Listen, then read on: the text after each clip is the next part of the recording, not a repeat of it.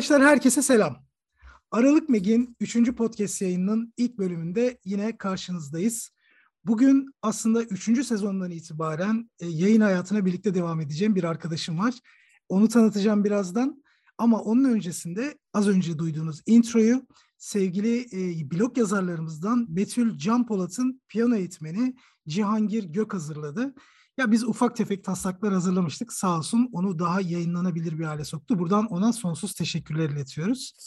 Evet bugün e, karşımda Fatih Ayoğlu var. Fatih Ayoğlu'nu birçoğunuz Clubhouse sohbetlerimizden tanıyor. Aynı zamanda blog tarafında yazdığı teknik yazılarla tanıyor. Fatih hoş geldin. Hoş bulduk İlker. Nasılsın? Valla bu tarafta iyiyiz biz. Sen nasılsın? Ee, soğuk ama açık bir e, pazar günü e, bugün Birmingham İngiltere'de. Dolayısıyla fena değil. Güzel bir yani pazar günü o olacak zaman inşallah. sen yayınımıza Birmingham'dan bağlanıyorsun. Aynen ben e, yurt dışı İngiltere Birmingham'dayım. Süper. Fatih ile yollarımız bir e, WhatsApp grubunda kesişti. Yani orada fotoğraf sohbetleri yaptığımız, daha çok teknik anlamda sohbetler yaptığımız bir gruptu. Bir marka öbeğinde. Sonra Fatih ile tabii e, oradan ayrılarak dedik ki biz fotoğraf anlatımımıza Aralık Mek'te devam edelim ve böylece e, güzel bir birliktelik oldu. Aralık Mek içinde de çok özel birisin. Çünkü çok fazla teknik sorular geliyor. Senin cevaplamanı çok istediğim sorular benim aklıma üşüyor vesaire. Fatih istersen şöyle yapalım. Kendinden biraz bahset. Öyle bir giriş yapalım. Fotoğrafa nasıl başladın ya da Aralık Mek'te yolun nasıl kesişti? Mesela bu iki sorunun cevabıyla başlayabiliriz. İlker öncelikle çok teşekkür ederim bu imkanı bana verdiğin için. Kısaca anlatmaya çalışayım kendimi. İşte 83 e, Ankara doğumlu. Ondan sonra babanın e, mecburi hizmetinden Edirne maceramız var. İlkokul 5 için İstanbul'a geliyoruz. Ondan sonra işte ortaokulu, lise ve üniversiteyi İstanbul'da okuyorum. Mühendislik eğitimi alıyorum. Elektrik elektronik mühendisliği. E, lisede de daha böyle bir e, kalıplı bir lise diye tabir edilen Alman lisesi mezunuyum. Dolayısıyla ben hayatım elektrik mühendisliği ve kalıplı bir lise olarak belli bir kalıbın içinde. Ondan sonra yüksek lisansımızı yapmak için İngiltere'ye geldim ve ondan sonra burada kaldım. 2009 veya 2010 yanlış hatırlamıyorsam bir Türk arkadaşımla arabayla yolculuk yapalım dedik. Birmingham'dan çıkıp İskoçya'ya gitmek gibi 6-8 saatlik bir yolculuk nereden baksan. E, dedi ki Fatih bir kamera al kendine dedi. O zaman Nikon D5000 ile başladım e, fotoğraf serüvenine sene 2010. Ondan sonra her kabiliyetsiz insan gibi kameramın kötü benim daha iyi olduğumu düşünerek kamerayı değiştirmeye karar verdim. O zaman Nikon D750 aldım. E, net hatırlıyorum 35 milimetrelik bir lens almıştım. E, tam formata geçtim. Ciddi söylemek gerekirse biraz fotoğrafların kalitesi artmaya başladı. Yani daha böyle bir alan derinliğini biraz da tabii okumaya başladım fotoğraf nasıl çekilirdi yani detaylarını işte kompozisyonu falan. Fotoğrafta biraz bir ilerleme kaydet. Ancak ondan sonra o bahsettiğim markayı markanın fotoğraf kameralarını aldım. Markayı da verebiliriz buradan. Nasıl tabii tabii Nikon dedik çünkü. Için.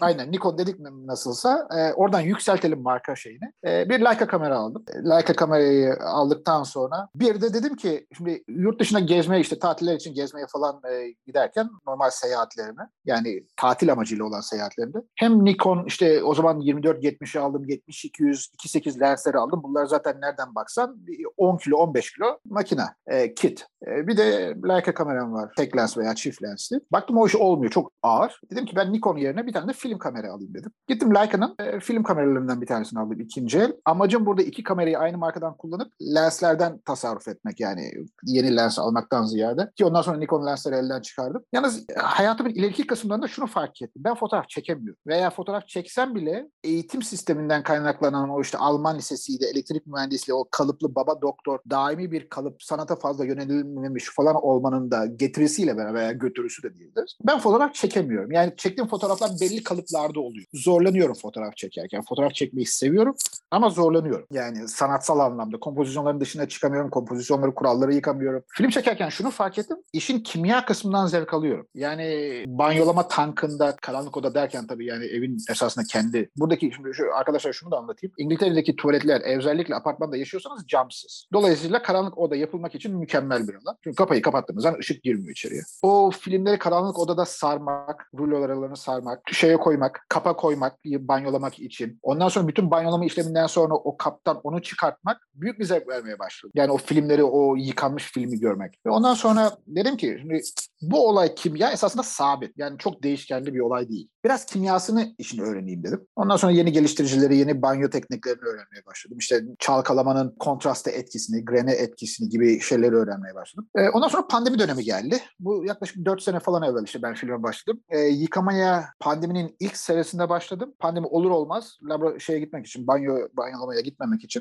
e, banyoyu evde yapmaya başladım. Dedim ki Fatih basmayı da öğren. Yani çok zor olamaz bu olay. Maksimum kite verdiğim parayla biraz ziyan olursun ama çok zor olmaması lazım. Yine YouTube'dan falan al, almadan her şeyi bir izledim. Bundan sonra kendime bir şey aldım. Agrandizör. Türkçesi enteresan bir tercüme ama agrandizör aldım eve. Öyle öyle basmaya başladım. Basarken yeni teknikleri öğrendim. Çift filtrelemeyi öğrendim. Mesela bir fotoğrafı sadece filtre 3 ile değil atıyorum 2 ve 4 ile basmayı falan öğrendim. Onların etkilerini öğrendim. Böyle böyle işin teknik kısmını öğrendim. Ama hala fotoğraf çekemiyorum. Veya çektiğim fotoğraflar hala belli bir kalıpların içinde. Yani o kalıbın dışına çıkamıyorum. Pandemiden dolayı şunu öğrenmeye başladım aynı zamanda. Flashlı fotoğraf öğrendim. Çünkü genelde evdeyim. İşte bir kızım var 16 aylık. Onun fotoğraflarını çekmem gerekiyor. Özel veya çekmek istiyorum. Gerekmiyor da istiyorum. Hatıra olsun diye. Evlerin içi karanlık. Yani karanlık, aydınlık da. Yani öyle ISO 200, 400, 800'ün kurtarabileceği yani şeyler değil. Işık yok. E bir de çocuk hareketli. F2'ye çekemiyorsun. Hı. F8, F11 çekmen gerekiyor. F1 250, 1 125, 1 250, 1 500 çek. Ne yapacaksın? Flash kullanacaksın. Bunun başka bir çözümü yok. Flashlı fotoğrafı öğrendim biraz. Öyle hayatım esasında fotoğraf konusunda devam ediyorum. Şimdi bir karanlık odamı kurmaya çalışıyorum Bodrum katında. Ee, güzel bir e, agrandizör sipariş ettim. O gelecek inşallah. 5 çarpı 4 çarpı 5 basabilecek kadar renkli. Renkli baskıya geçeceğim. Onun tekniklerini öğrendim. Onun için işte şeyler aldım. Tüpler falan aldım. Hmm. Ee, onlar gelecek. Öyle fotoğraf hayatım esasında 2000 kaç 9 veya 10'dan son geçtiğimiz 10-12 senelik bir hikaye. Yani benim anladığım senin e, teknik gelişiminden aslında biz burada daha fazla istifade edeceğiz. Ee, tabii. Yani benden sanat konuşmamı beklerseniz e, işte sanat.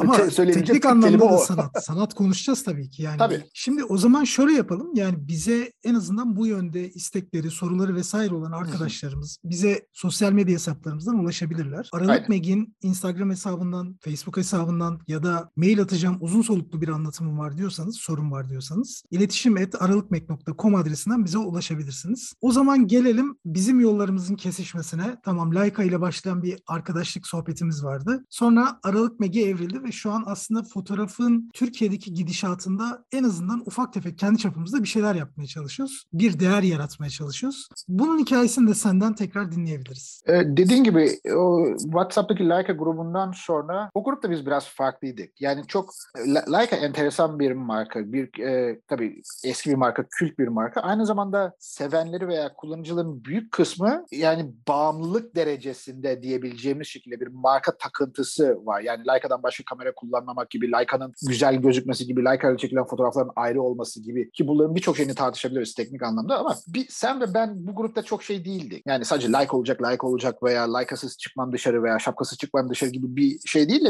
biz daha çok işin eğlence kısmındaydık. Yani Leica'nın veya analog fotoğraf çekerken aldığımız hazdaydı şeyden ziyade bir marka kullan. Ki ben şu anda mesela Nikon'da film kamera kullanıyorum. E, orta formatta kullanıyorum işte Yashikalar falan. E, Hasselblatt da kullanıyorum ama hiçbirine marka olarak bir bağımlılığım yok. Yani bugün Leica'sı dışarı çıkmam diye bir hikaye yok. Veya Leica masada güzel gözüküyor diye. E, oradan ayrılınca dedik ki biz beraber ne yapabiliriz? E, sen beni kibarca davet ettin. Benim de affedersin çok işime geldi. Hı-hı. Niye çok işime geldi? Zaten e, yurt dışında yaşayan bir Türk olarak e, çok da girişken bir insan değilim. Öyle fazla bir arkadaş çevrem yani var arkadaşımız ama öyle özellikle pandemiden dolayı çok böyle dışarıda buluşamıyoruz. Tabii yeni de çocuğumuz oldu. Hanım da korkuyor buluşmakta. Tam o sırada senin bu Aralık Mac için bana verdiğin opsiyon veya şans çok denk geldi. Sen her ne kadar e, konuşmamızın başında yazılar desen de benim hala tek yazım var. Bakımdan hala utanıyorum. Çünkü ilk yazımı yazdıktan sonra bir taşınma işine girdik. Ondan sonra bir daha taşındık. Yani son 6 veya 7 ay diyeyim iki kere taşınınca kitapları açtım, açamadım. E, biraz da teknikte bir yazım için kitapları karıştırmam gerekiyor tam düzgün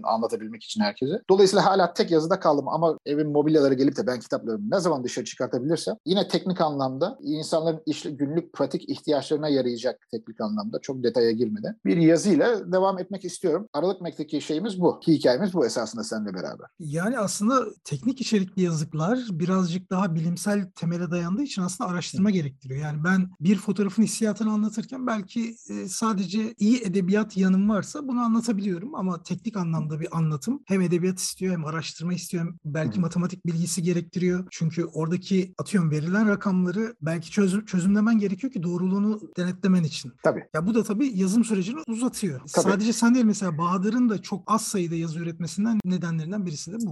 Çünkü o da pinhole üzerine yazılar yazıyor. E pinhole'in de belli bir e, çap durumu var, ne bileyim netlik durumu var vesaire. E, o konuda daha az sayıda kalem alınabiliyor yazı. O konuda haklısın. Evet. Yani e, işte atıyorum mesela teknik konuda özellikle banyolama kısmında yazarken geliştiricileri 1 artı 2 ile 1 artı 3'ün farkı ne? Hı. E, geliştiricinin içindeki hangi kimyasal azalıp arttığı için çıkan sonuca etki ediyor? Atıyorum filtre kullanacaksan e, o filtrenin karşı renklerin avantajları, dezavantajları, manzarayla karşılaştırması gibi birçok detayı olduğu için ki ve o detaylardan bazılarını eksik bırakırsan yazı havada kalacağı için komple yazman gereken bir durum teknik olaylar, teknik yazılar. Başvurduğumda 2-3 kitap var ki onlar hala kutularında duruyor. Dolayısıyla tekrar okuyan arkadaşlardan veya dinleyen arkadaşlardan özür diliyorum ama e, belirttiğim gibi eğer herhangi bir e-mail gönderirlerse veya sosyal medyadan ulaşırlarsa biliyorsam o an cevap verebilirim. Bilmiyorsam da eminim, e, emin olun daha doğrusu birkaç gün içinde size bir şekilde geri dönüp ya bilmediğimi söylerim ve bulamadığımı söylerim ya da bir çözümle size ge- geri gelmeye çalışırım.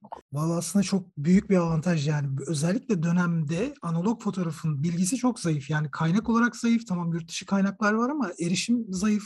Şimdi böyle olunca Türkiye'deki analog fotoğraf gidişatında gerçekten konuyu teknik anlamda hakim insanlara ihtiyaç var. Hani Aralık Mek'te senin de bulunman bizim için hakikaten büyük bir değer oldu. Çünkü ne zaman ben gruba girsem Telegram grubunda sürekli iletişim halindeyiz. İşte Fatih şunu mu alalım bu lens mi tercih edelim bunu mu keskin yani o konuda insanlara çok yardımcı oluyorsun. Ben de sıklıkla sana danışıyorum. Hani Çok teşekkürler. Zaten sen otomatikman mesela ben e, genelde fotoğraf altlarına na- hangi banyo ile yaptığımı yazarım. Sen mutlaka o konuda yanlış yaptığın bir noktada varsa her zaman kapımı çalıp bak abi böyle yapıyorsun ama hani böyle yapsan daha iyi olur gibi önerilerin oluyor. Ben onun için ayrıca teşekkür ediyorum. Çok teşekkür ederim. Abi şimdi konumuz fotoğraf. Mesela senin fotoğrafa da bakış açını merak ediyorum. Yani şu anda bir projen var mı? Tamam çocuğun çok fazla Hı. zamanını alıyor ama ya da İngiltere'deki fotoğraf konusu nasıl? Mesela sokağa çıkıp ben fotoğraf çekebiliyor muyum? Orada bir temel hak ve özgürlüklere müdahale oluyor mu? Mesela onları da merak ediyorum açıkçası. E, kişisel olarak projeden başlayalım daha doğrusu. Kişisel olarak belki bir projem yok ama öğrenme içgüdüm fazla olduğu için yine eğitim sisteminden kaynaklanan bir süredir 4x5 büyük format kamera öğrenmeye çalışıyorum. Şimdi 4x5 büyük format kameralar bir kere yavaş. Tek kare film çekiyorsunuz ve öyle ISO'yu fazla arttırmak gibi şeyler yok. Lensler zaten 5 6 5.6 bulursanız iyi genelde 8'den sonra gibi yavaş. O yavaşlığı öğrenmeye çalışıyorum. İki tamamıyla manuel. Yani tamamıyla manuel derken sadece fokus olarak manuel değil, kameranın arka plan oynaması, ön plan oynaması, sağa sola oynaması gibi birçok şey var. Bunları öğrenmeye, bunları test etmeye ve tatbik etmeye çalışıyorum. İleriki dönemlerde yani ileriki dönemlerde derken bir 2-3 ay içinde elimde yeterince e, negatif olduktan sonra bunları basmayı tatbik edeceğim. Tabii basarken yine agrandizörler 4x5 filmler için stabil değil. Yani senin 35 milimetreyi bastığın gibi. Film katmanı ve lens katmanı oynayabiliyor. Dolayısıyla basarken dahi distorsiyon yapabiliyorsunuz. Mesela eğik binayı düzeltebiliyorsunuz. Veya e, netliği, ne, alan derinliğini arttırabiliyorsunuz. Ve renkli baskıyı tatbik edeceğim. Yani yine benim esasında projelerim kişisel olarak teknik anlamda kendimi nasıl geliştiririm projeleri. E, aynı zamanda esasında bir fotoğraf okuyucusuyum ben. Yani fotoğraf okuyucusuyum derken kitaplar, bilinen fotoğrafçıların kitaplarını alıyorum, biriktiriyorum. E, bulabildiklerimi, imkanım, maddi olarak imkanım yettiklerini ve küçük notlar alıyorum bu fotoğraflar üzerinde. İşte bu fotoğrafçı fotoğrafı nasıl çekmiş, e, siyah beyaz mı, renkli mi, eğer siyah beyazsa renkliyse niye? Bir projemde esasında yeterince materyal toplayıp atıyorum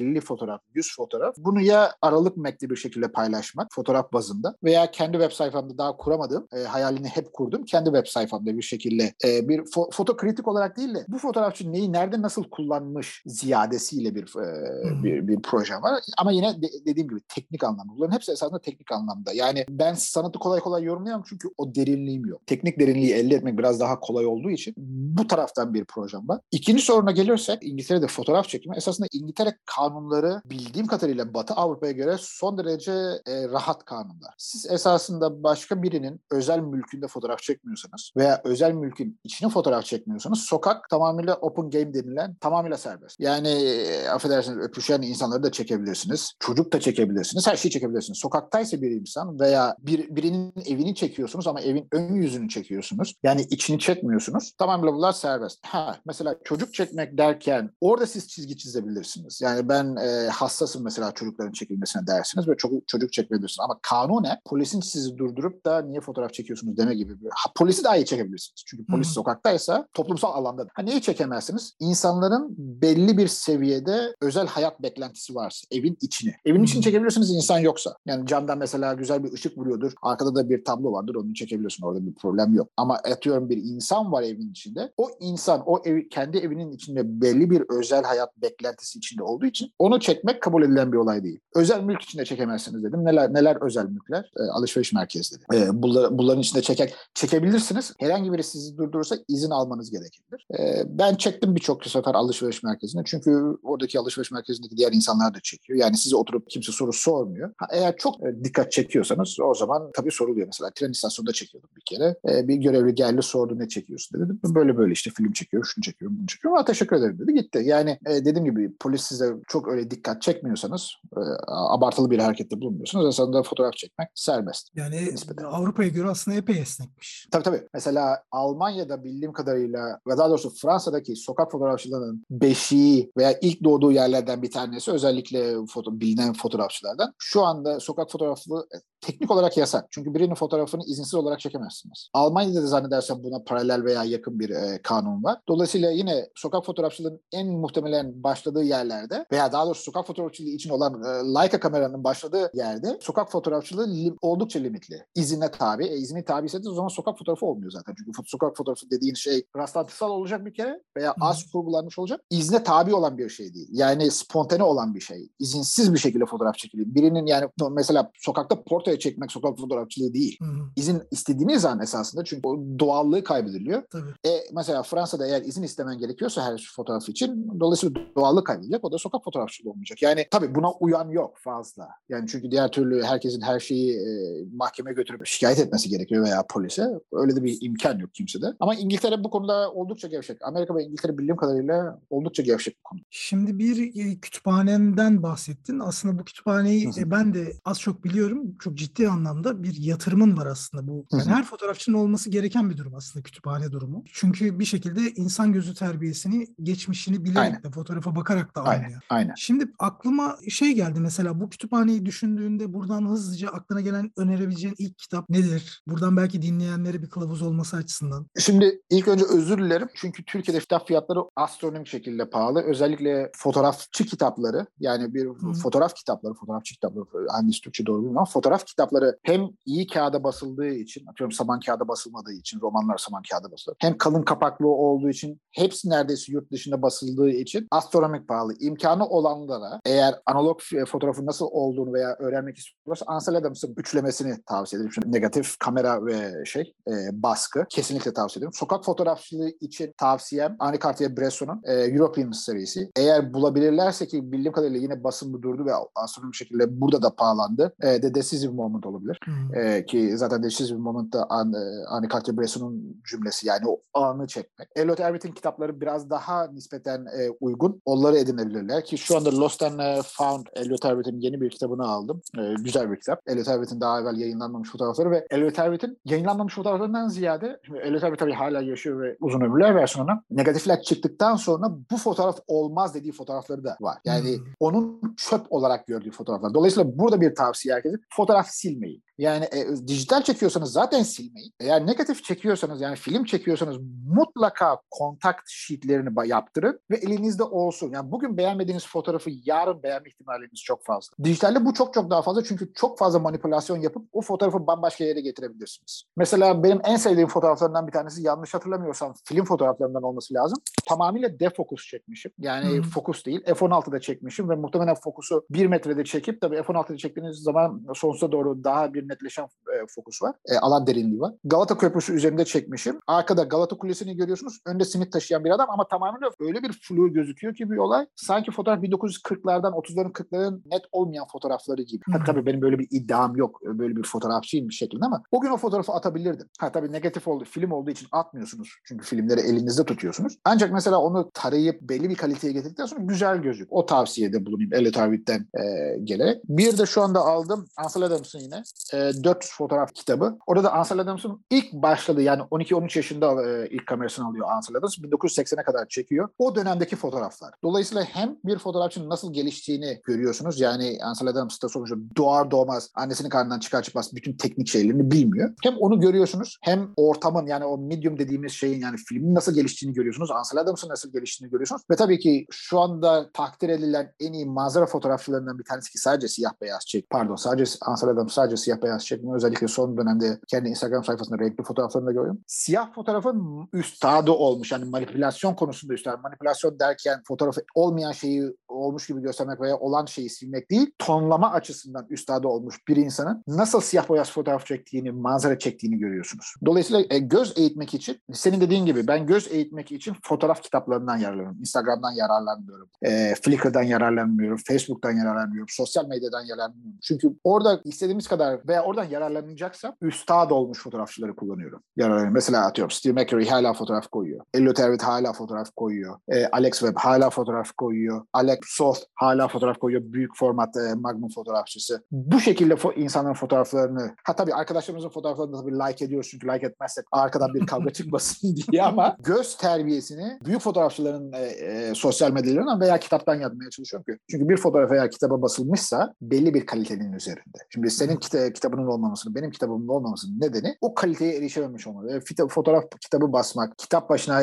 50 ile 100 dolar arasında bir şey nereden baksan. Dolayısıyla kimse bu masrafa kötü fotoğraf için girmiyor. E, belli bir kalitedeki fotoğraf kitabı. Dolayısıyla benim kütüphane kurmandaki amaç tamamıyla bu esasında. Bir de aklıma şey geldi mesela dijital çekim yapanlar tabii ki fotoğraflarını silmesin ama özellikle RAW hallerinde bence saklamalılar diye düşünüyorum. Çünkü üzerine editler yapılıyor. İşte dönemsel olarak belki bir renk skalası beğeniliyor. Fakat ilerleyen zamanda o fotoğraf nereye evrilecek? Ya da fotoğraf kariyerinde belki bambaşka bir yere gidecek ama öz olarak belki RAW çekmiyorlar. Belki RAW'ı siliyorlar çok yer kapladığı için. JPEG'de hemen o anlık tonlamayı depoluyorlar. Ya bu da Aynen. aslında fotoğrafçı açısından gelişimini göremediği bir şey gibi görüyorum ben. Yani ileride lazım olduğunda senin mesela o fotoğrafın aynı şekilde tarıyorsun ya da baskı alıyorsun. Fotoğraf aynı fotoğraf. Çünkü Tabii. film negatif üzerinden çıkıyor. Aynen, aynen. Ama dijitalde özü korumak lazım diye düşünüyorum. Filmde nasıl negatiflerimizi atmıyor zannetmiyorum sen negatiflerini atıyorsun. Ben hiç Yok. negatif atmadım bugüne kadar. Nasıl negatifleri atmıyorsak dijitalle de işin negatifi esasında RAW. JPEG çekersin veya başka formatlarda işte e, Apple en son Hike mı ne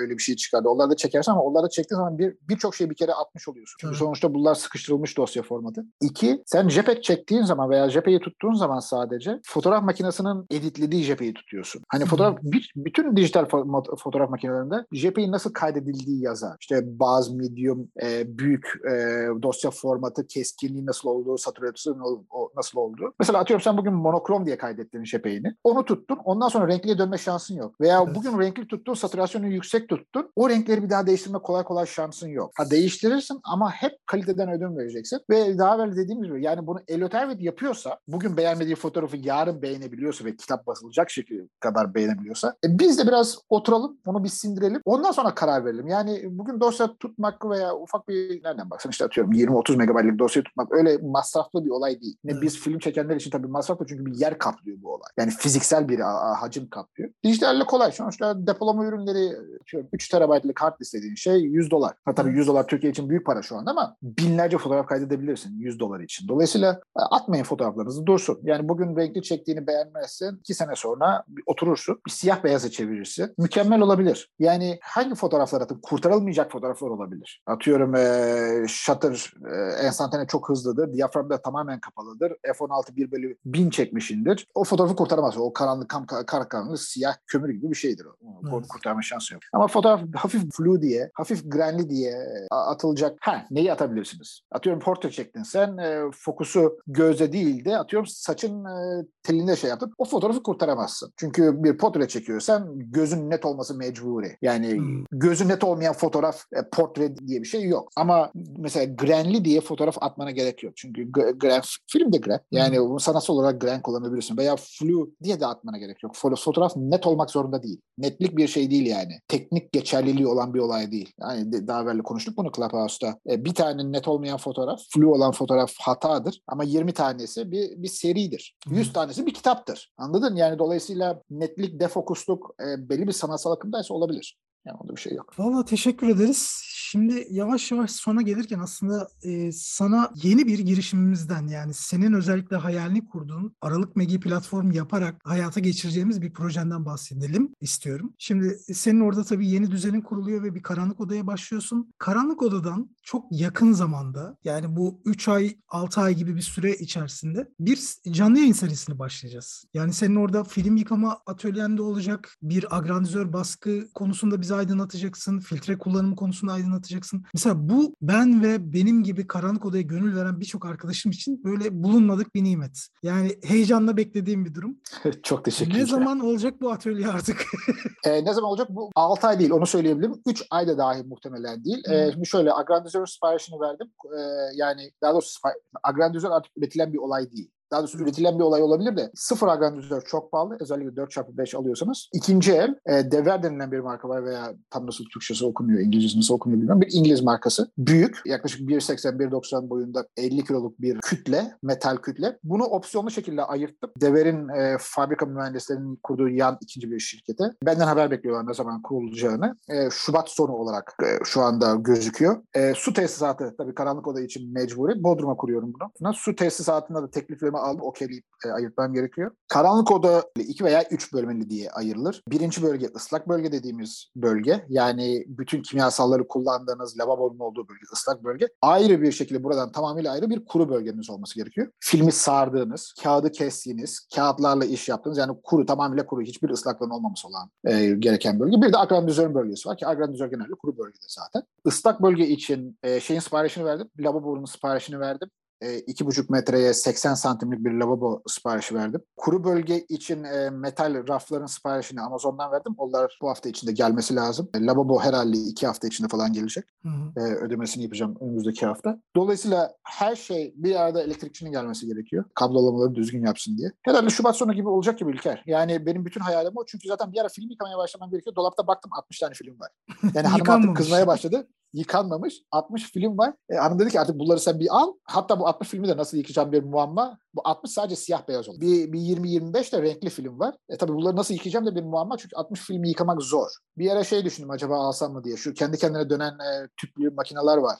Ama o, o masrafa da girmem gerekiyor mu gerekmiyor mu onu bilmiyorum. Masraftan da tabii kaçmaya çalışıyorum. Çünkü sonuçta bunlar eğer başka yere taşınırsa taşınacak aletler değil. Hepsi ikinci el bozulursa tamir şansın yok. Dolayısıyla yine bunları muhtemelen elle yıkayacağım. O Patterson'un siyah e, tanklarında yıkayacağım. En büyük tankım benim 3 3.35'lik film yıkıyor. E, 50 tane film. Nereden baksan arasında 120'ler var. E, yani orta formatlar var. E, onlar bayağı, onlar da yavaş yavaş olacak. Ondan ziyade e, şimdi tabii bunu görmeyecek arkadaşlar ama en azından sana göstereyim. E, 4x5 olan filmler var. Bunlarda 4-4 yıkanıyor. Yani 4 film 4 film her seferinde yıkanıyor. Dolayısıyla muhtemelen ben bugün yıkamaya başlasam zaten 1,5-2 e, ay film yıkayacağım durmadan. Dediğim gibi ondan sonra Karanlık Oda kurulduktan sonra sanatsal olarak da bir arkadaşlar, bir izleyenler beni şey yapmasınlar, tartmasınlar. Ama baskı tekniklerini mesela konuşacağız konuşacağız. Ee, dediğim gibi çift baskıyı konuşacağız. Yani çift e, çift filtre kullanımı baskıyı konuşacağız. Agrandizörde merceğin çapının nasıl olduğunu konuşacağız. Yıkamayı konuşacağız. Renkli yıkamayı göstereceğiz. Gibi e,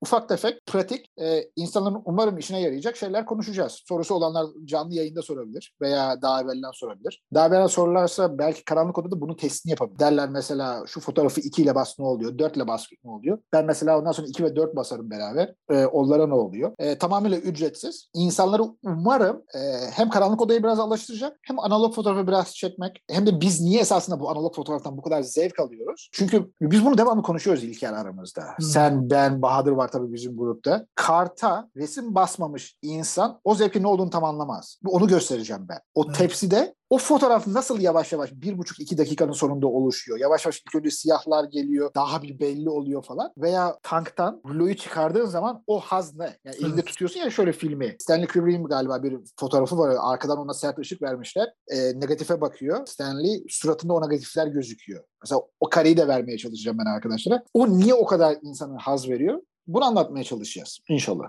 İnşallah yani bu haz zaten şimdi bekleyen 60 filmi banyolama içinde bir haz Tabii. yoksa zaten o olmaz yani. Tabii tabii. Gerçekten tabii. Yani ya- o, hem o haz var hem hanımı, hanımın verdiği e, Gaz abi var. Fatih yıkar buzdolabında yer kaplıyor bunlar. Haz Tabii. şeyi var.